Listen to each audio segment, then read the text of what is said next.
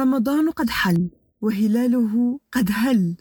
اليوم قد طال والجوع قد جال. وفي انتظار تجهيز المائدة فلنتبادل بعض الأفكار الجائعة.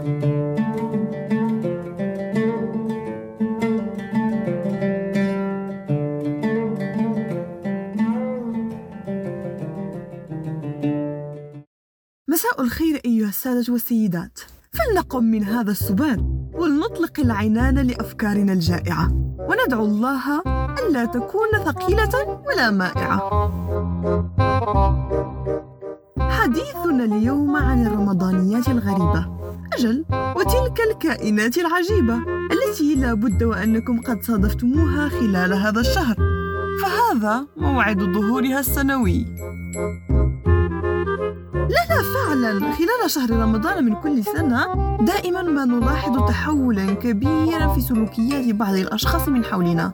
كأنهم يصيرون نوعا ما أكثر تدينا والتزاما. وهذا شيء جيد جدا طبعا. فرمضان شهر الصيام والقيام والسعي والسباق نحو كسب الأجر والحسنات. وجميعنا دون استثناء ربما نحاول استغلال هذا الشهر أحسن استغلال. وحين أقول استغلال أنا لا أقصد استغلاله للتباهي أو لتحليل وتحريم أشياء لم نكن لنلاحظها قبل أو حتى بعد مضي الشهر.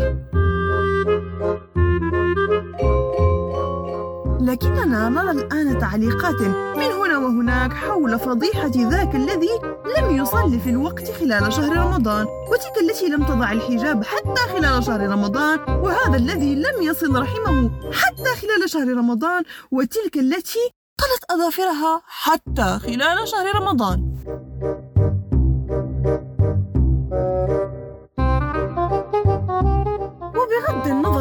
هذه الأفعال سواء كانت مقبولة أم لا أود فعلا أن أفهم وأسبغ أغوار عبارة خلال شهر رمضان هل معنى ذلك أن السيئات والموبقات لا تكون كذلك إلا خلال شهر رمضان؟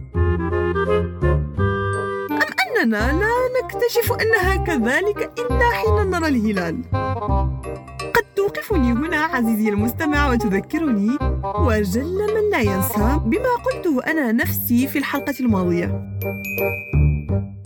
بل العكس قد يكون رمضان فرصة لنا لنرى الحياة المثالية التي يمكننا عيشها بإحداث تغييرات طفيفة على روتيناتنا. فرصة لنا لنرى الحياة المثالية التي المثالية التي المثالية التي أجل ربما قلت ذلك فعلا وفي الحقيقة سأعيده مجددا.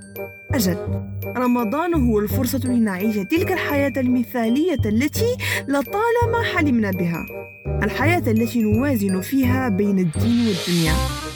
شرط أن يكون هذا الشهر مقدمة وبداية جديدة. لا فاصلا إعلانيا ننتظر انتهاءه لنكمل المسلسل. واو مثال رائع. أستحق التصفيق في الحقيقة. شرط أن تكون هذه أولى خطواتنا لخلق ذلك التوازن. بدل أن تكون قناعا نضعه وننافق ونخدع به أنفسنا ومحيطنا إلى أن ينتهي رمضان.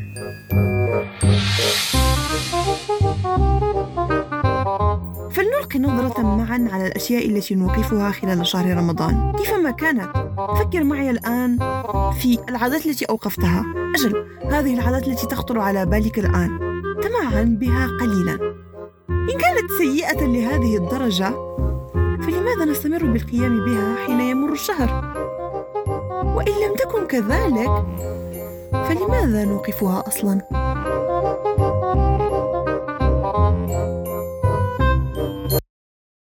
هنا تنتهي أفكاري الجائعة لليوم. ولا داعي للوم. فقد حان موعد كسر الصوم.